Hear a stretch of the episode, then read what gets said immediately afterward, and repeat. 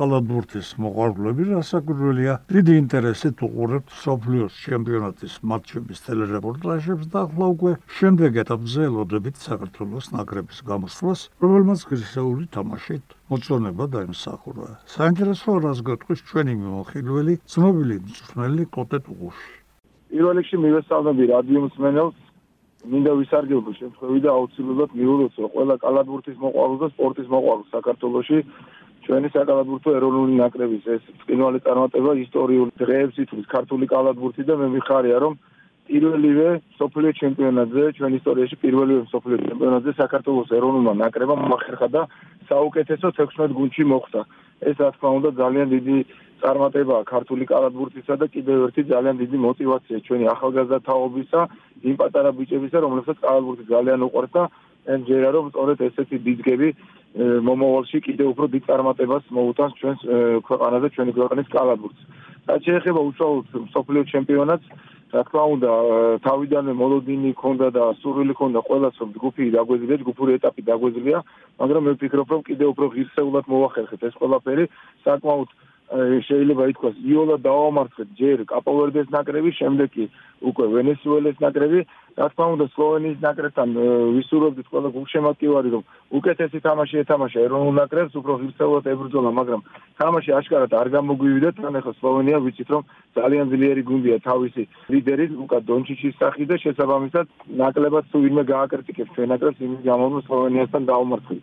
მაგრამ როგორც გითხარით, პროგრამა მინიმუმი ამ ეტაპზე შესრულებულია, ჯგუფური ეტაპი დაგლეულია და ამით უნდა გავიხარო და ვიზეიმოთ აუცილებლად. ვიცით რომ 1 სექტემბერს უკვე მეორე ეტაპის თამაში გველის, მეორე ჯგუფური ეტაპის თან პირველი შეხვედრა გველის ძალიან ძლიერ გერმანიის ნაკრებთან და შემდეგ უკვე 3 სექტემბერს ავსტრალიის ნაკრებთან.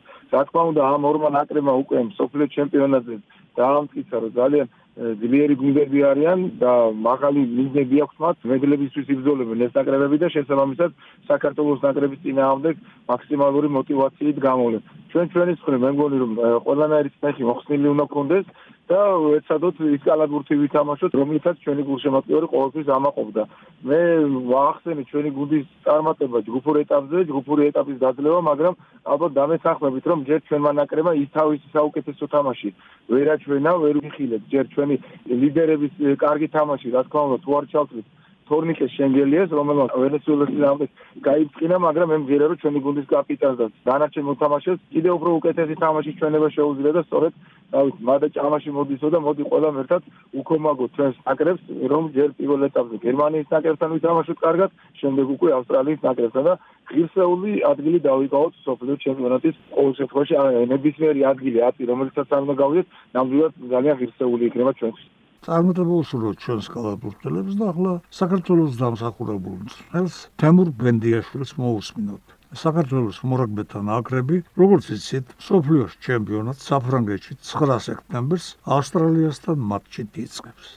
ჯერის ვთქვათ, რომ სოფლიო რაგბი ძალიან კარგად იქცევა და სწორედ, როდესაც ჩვენ მოგცა სამი თამაში, ამ სამი თამაშიდან ორი იყო, სადაც შეგვეძლო გამარჯვება და ეს უნდა გამოგეცადა ჩვენი თავი და შემდეგ მოგცა საძილ დაოქვათ, როცა შოტლანდიის ნაკრები. მე მაგალითად ძალიან ნორმალურად ვითამაშე. და ისე ვითამაშე, რაც ვარ. ჩვენ ძალიან მეგონება იმის იმედი, რომ საქართველოს ათეული ისევა ჯერჯერობით ამ დახმარებით ამ ვარჯიშით და ამ რეგბისთან მიდგომით ჩვენ მეც ვერ შეცდით. ყველას ალბათ აინტერესებს უფრო მეტად შოტლანდიის თამაში. ჩვენ პირველ რიგში უნდა ვთქვა, რომ შოტლანდია გამოვიდა საბრძოლო შემადგენლობით. და პირველ ტაიმში კიდე თუ იყო ისეთი რამეები, რომ თვითონაც აინტერესებს რაღაცა სქემებს ამოწყებდნენ, მეორე ტაიმში თამაშეს ნამდვილი რეგბის თამაში, რაც შეუძლია შოტლანდიის ნაკრებს. დავშჭაგრეთ შერკინებაშიც ჩვენ უნდა ვიცოდეთ ბიჭებო რომ ჩვენი შერკინების მოთამაშეები არიან ძალიან კარგი მოთამაშეები მაგრამ ესენი არიან ძალიან კარგები. პოლონეთთან ესპანეთთან პორტუგალიასთან და შოტლანდიასთან ისე რომ ჩვენ ისეთი ბურჯები ყავდეს რომ იმათ მოუგოთ ყავდა ერთი მომენტი როდესაც ირაკიშვილი და ხინჭაკაშვილი იყვნენ ეხლა კარგი ბიჭები არიან მაგრამ ნუ მოვთხოვთ ეხლა რომ შოტლანდიის ნაკრებს მიაწვენ და მოუგონ შერკინებაში. ძალიან ძნელია ეს ფაქტიურად ჩვენთვის მიუღწეველი ახლა უელსი ძალიან ძლიერია. უელსი იმიტომ ვამბობ რომ უელსი არის ჩვენთან ქვეჯგუფში. ჩვენთან ქვეჯგუფში არის პორტუგალია უელსი ავსტრალია და ფიჯი. ავსტრალია ალბათ კონკურს გარეშეა, ალბათ კონკურს გარეშეა უელსიც ამ კუდვიჩი და ფიჯისთან დამოკიდებულება შეიძლება ყველა რო იცოდეს რა. ფიჯი უკვე ორი წელიწადია თამაშობს იმ ჩემპიონატს, სადაც ყველაზე ძლიერი გუნდები არიან.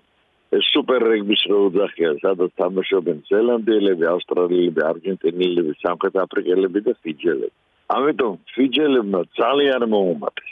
გასაკვირველია გვიდა და ჩვენი ბიჭების შემართების ვერჯერა და იმაზე მეც შეძლებენ რაც შეუძლიათ სინამდვილეში მაგრამ ძალიან ახლა ესე ნუ ვიქნებით რომ უნდა მოვიგოთ უნდა მოვიგოთ ყველა უნდა იცოდეს ერთი რამ ჩვენ გასაკვირველია სულ ყავდა შემართებული ბიჭები და ვაშკაცი ბიჭები მაგრამ ჩვენ ვინჩი თამაშებს იგებდნენ გორგოტე და ფინაკიშვილი და ხინჭაგაში ეხლა ძალიან კარგი ბიჭები არიან, საღინაძე, გორგაძე, ძალიან კაი ბიჭები არიან, მაგრამ გერჯერობით გორგოცები ეგენი ვერ არიან.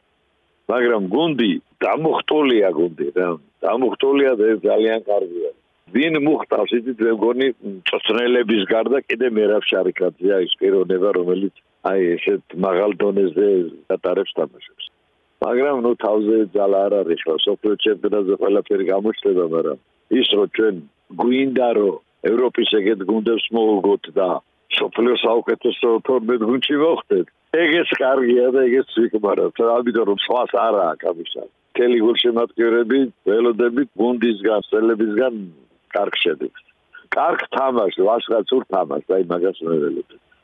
ტრადიციულად ფეხბურთი დაამთავროთ ჩვენ შეხვედრა. ახლის განმავლობაში, რაც არ შეხვედრივართ ერთმანეთს, მოულოდნელი ცვლილებებიც იყო გუნდების შემადგენლობაში, თუმცა მათ სატურნირო მდგომარეობას არც თუ ისე დაეტყო. ჩვენი მიმოხილველი გიაცანავა საზაფხულო პაუზის შემდეგ მადლობა რომ ადლებს საშუალებას ჩემი მოსაზრება გამოგთქვა და დღევანდელი ჩვენი საუბარი მინდა დავიწყო საკალათბურთო თემით და ყველა ქართულ გულშემატკივარს მიულოცო საქართველოს ნაკრების მეორე ქვეჯგუფში გადასვლა მინდა რომ ყველა ერთად გავიხაროთ და ვნახოთ ის კალათბურთი რაც ჩვენ ბიჭებს და ჩვენს ნაკრებს ნამდვილად შეუძლია და ნამდვილად ხელებზე ხერხდება ევროპაში მოგეხსენება დაიწყო საფეხბურთო ციებცხელება და ქართველი ფეხბურთელები მიიწევენ წინ ასე ნელ-ნელა შეახეს დიდი კლუბების კარები და ეს ნაკრებისთვის ძალიან კარგია.